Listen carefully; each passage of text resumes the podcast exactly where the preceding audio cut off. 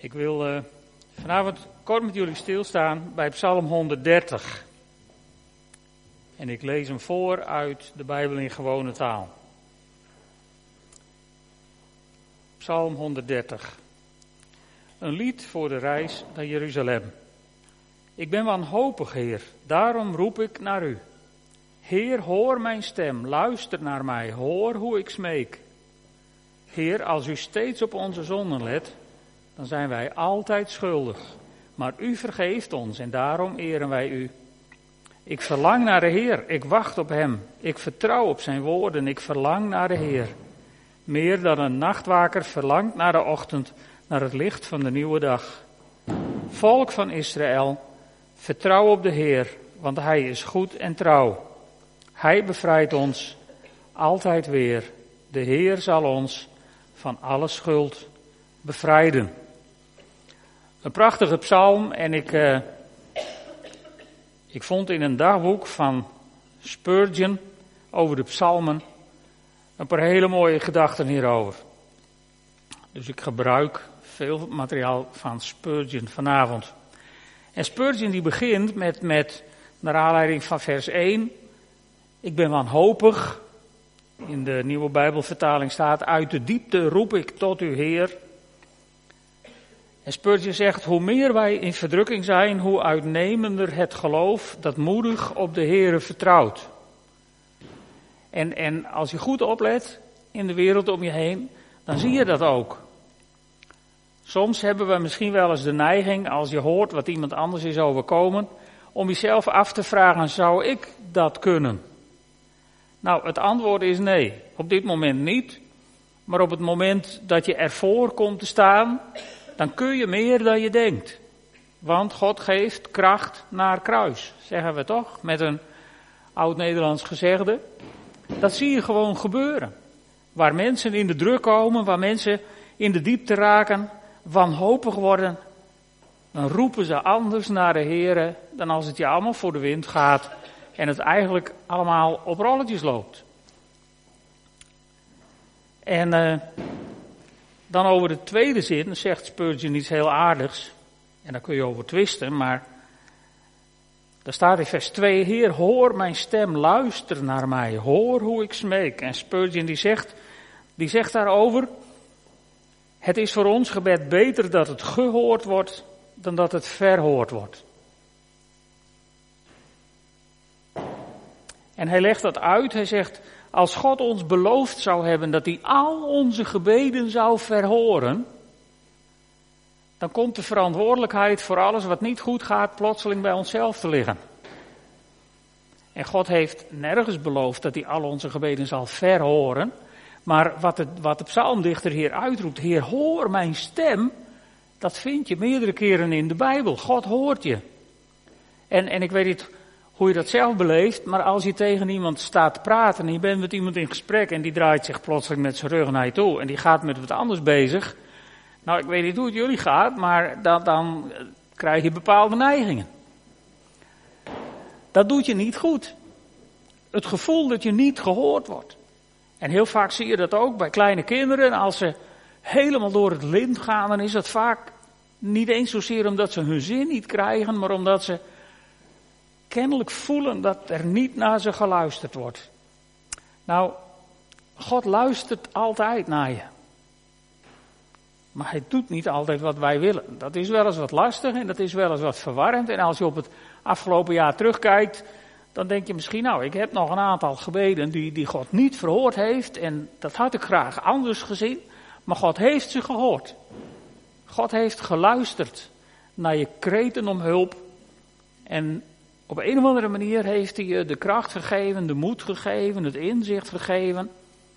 Dat kun je zelf het beste invullen. Maar God heeft je in 2016 het jaar doorgeholpen. Gemerkt of ongemerkt. En de één ding is zeker, dat zal hij ook doen in 2017. En dan gaat het verder. Het is heel mooi zoals het hier staat. Heer, als u steeds op onze zonden let, dan zijn wij altijd schuldig. In de nieuwe Bijbelvertaling staat, als u de zonden blijft gedenken, Heer, wie houdt dan stand? En Spurgeon zegt daarover, Hij zegt uh, zeker, God registreert al onze overtredingen, maar hij handelt niet naar dat register. Hij legt het aan de kant. Omdat wij in de naam van Jezus Christus een beroep doen op zijn genade, op zijn vergeving, op zijn heil. En zo heeft hij ons alles wat in 2016 anders had gemoeten, en dat weet iedereen zelf wel, dat heeft hij vergeven. Het staat ergens, maar God kijkt er niet meer naar. Of zoals het in openbaringen staat, wiens namen stonden in het boek van het leven, die worden niet meer geoordeeld. Dan is dat register plotseling niet meer van toepassing. Dat is de genade van God, dat Hij ons vergeeft. En, en vaak onthouden we beter wat andere mensen ons hebben aangedaan dan dat wij andere mensen hebben aangedaan en wat we God hebben aangedaan. Ons geheugen is selectief wat dat betreft. Maar het is een prachtige gedachte dat God onze zonde niet gedenkt, maar ons vergeeft. En dan staat er in het volgende vers zo mooi: Ik verlang naar de Heer, ik wacht op Hem, ik vertrouw op Zijn woorden, ik verlang naar de Heer. Dat is heel bijzonder, want hoe verwacht je dan, hoe verlang je dan naar de Heer? Ik heb gedacht, er zijn, zijn drie manieren waarop, waarop, waarop God aan dat verlangen tegemoet kan komen. Hij zou in 2017 op een krachtige manier met zijn Heilige Geest in ons midden kunnen gaan werken, in onze levens kunnen gaan werken, zodat we God reëel gaan ervaren, gaan beleven. Dat is het ene uiterste. Het andere uiterste is natuurlijk dat Jezus terugkomt in 2017 dan gaan we Hem ook zien. Dan is ons verlangen ook bevredigd. En, voor sommige mensen zal 2017 misschien ook wel het jaar worden waarop ze de Heer gaan ontmoeten zonder dat Hij terugkomt. Ook dan is je verlangen bevredigd. En dat is, heb ik me gerealiseerd, plotseling dichterbij dan je denkt. Ik ben bijna een maand 65. En in de afgelopen maand zijn er twee leeftijdsgenoten uit mijn kennissenkring naar de Heer gegaan, tot heerlijkheid bevorderd. Dat klinkt allemaal heel leuk, maar voor degenen die achterblijven, ja, is dat misschien wel een troost, maar het gemis wordt er niet veel minder om. De pijn.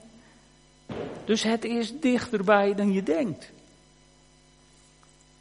Het kan zomaar het moment zijn dat je de Heer gaat ontmoeten. Of dat nu is doordat jij plotseling naar Hem gaat, of dat Hij plotseling terugkomt, of dat Hij zich door zijn geest manifesteert in ons midden. Het kan maar zo. En de vraag is, verlangen wij ernaar dat 2017 zo'n jaar wordt waarin we hoe dan ook op een van die drie manieren de Heer gaan ontmoeten? Kunnen we daar met verlangen naar uitzien? Of zien we daar als een berg tegenop? En dat zou heel erg zijn, als het zo is.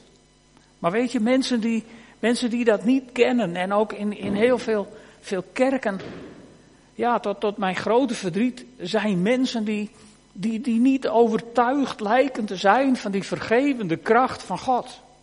Die alsmaar denken aan ik zondig mens en ik ellendig schepsel en, en, en die er misschien wel als een berg tegenop zien. Dat ze Jezus onder ogen zouden moeten komen. Wel, als je een kind van God bent, dan kun je Jezus onder ogen komen. Zonder angst, zonder vrees. En ik hoop voor ons allemaal dat dat zal zijn doordat Hij door zijn geest zich in ons midden openbaart. Lastig hè, dat vuurwerk. Ik dacht er zo pas aan dat er in Syrië misschien wel heel veel christenen bij elkaar zijn die ook vuurwerk om de tent hebben, maar dan van wat een ander kaliber. Dan is dit onschadelijk, dus laat het maar.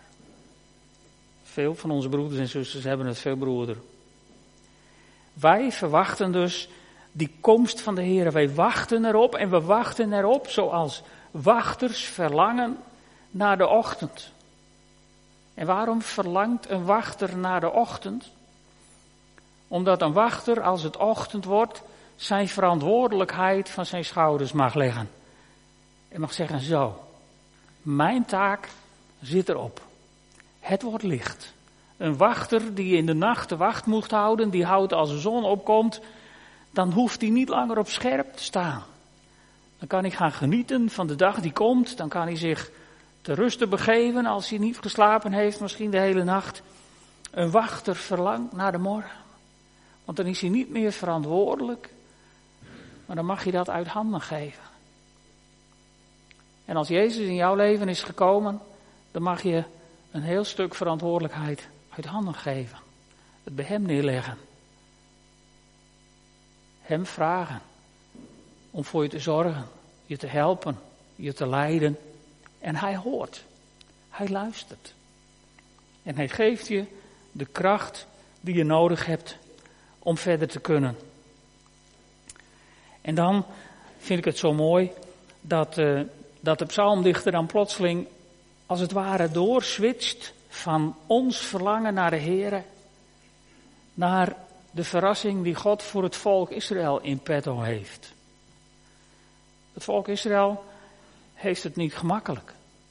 Het is merk, een merkwaardige oase van rust, lijkt het momenteel in het Midden-Oosten, waar alles in vuur en vlam lijkt te staan.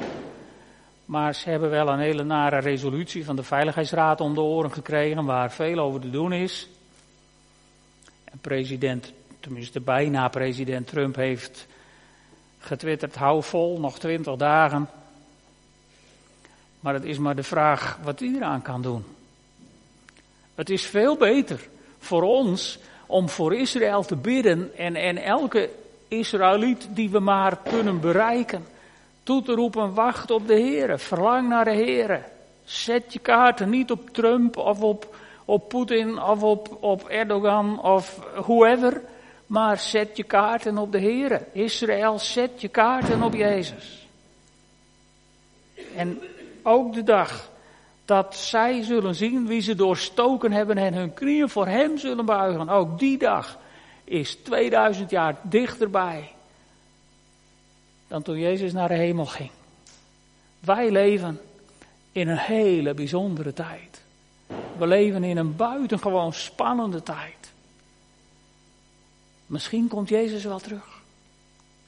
Misschien barst er wel een opwekking los. Hier hopelijk in Israël, zodat het volk van God zijn Messias eindelijk leert kennen. En ook zullen zeggen, ik verlang naar de Heer, ik wacht op Hem, ik vertrouw op Zijn woord. Zo kan 2017 een buitengewoon boeiend jaar worden. En net zoals 2016 wat mij betreft de titel Anno Domini, een jaar van onze Heer, mag hebben, bid ik dat 2017 opnieuw onder die vlag in onze plakboeken terecht mag komen. Anno Domini, het jaar van onze Heer 2017. Een jaar waarin het waar wordt dat God ons en zijn volk bevrijdt en van alle schuld verlost. Zullen we gaan staan? En samen bidden. Vader in de hemel, ik dank u wel voor het afgelopen jaar. Heer, u bent met ons geweest, u hebt ons gedragen. Heren, we hebben, uh, we hebben gelachen, we hebben plezier gehad. Maar we hebben ook gehuild en gerouwd. Heer, en ik denk aan Harry en Ariane die, die nog steeds rouwen. Heer, voor wie het jaar 2016 een jaar zal blijven met een, een zwart randje. Heer, ik bid u ook voor Douwe en Janke, die heel spannend het nieuwe jaar ingaan en voor wie 2017 misschien wel zo'n jaar gaat worden. Heren, en in onze kennissenkring kennen we allemaal mensen voor wie 2016 een jaar is geworden om zo gauw mogelijk te vergeten. Voor andere mensen is het een jaar geworden om, om vooral met een gouden randje altijd te onthouden. En we weten niet hoe 2017 zal worden. Heere, gelukkig geeft u ons geen blik in de toekomst. Maar geeft u ons wel dat verlangen in ons hart, dat verlangen naar u. Dat verlangen naar de kracht, naar de realiteit van uw Heilige Geest.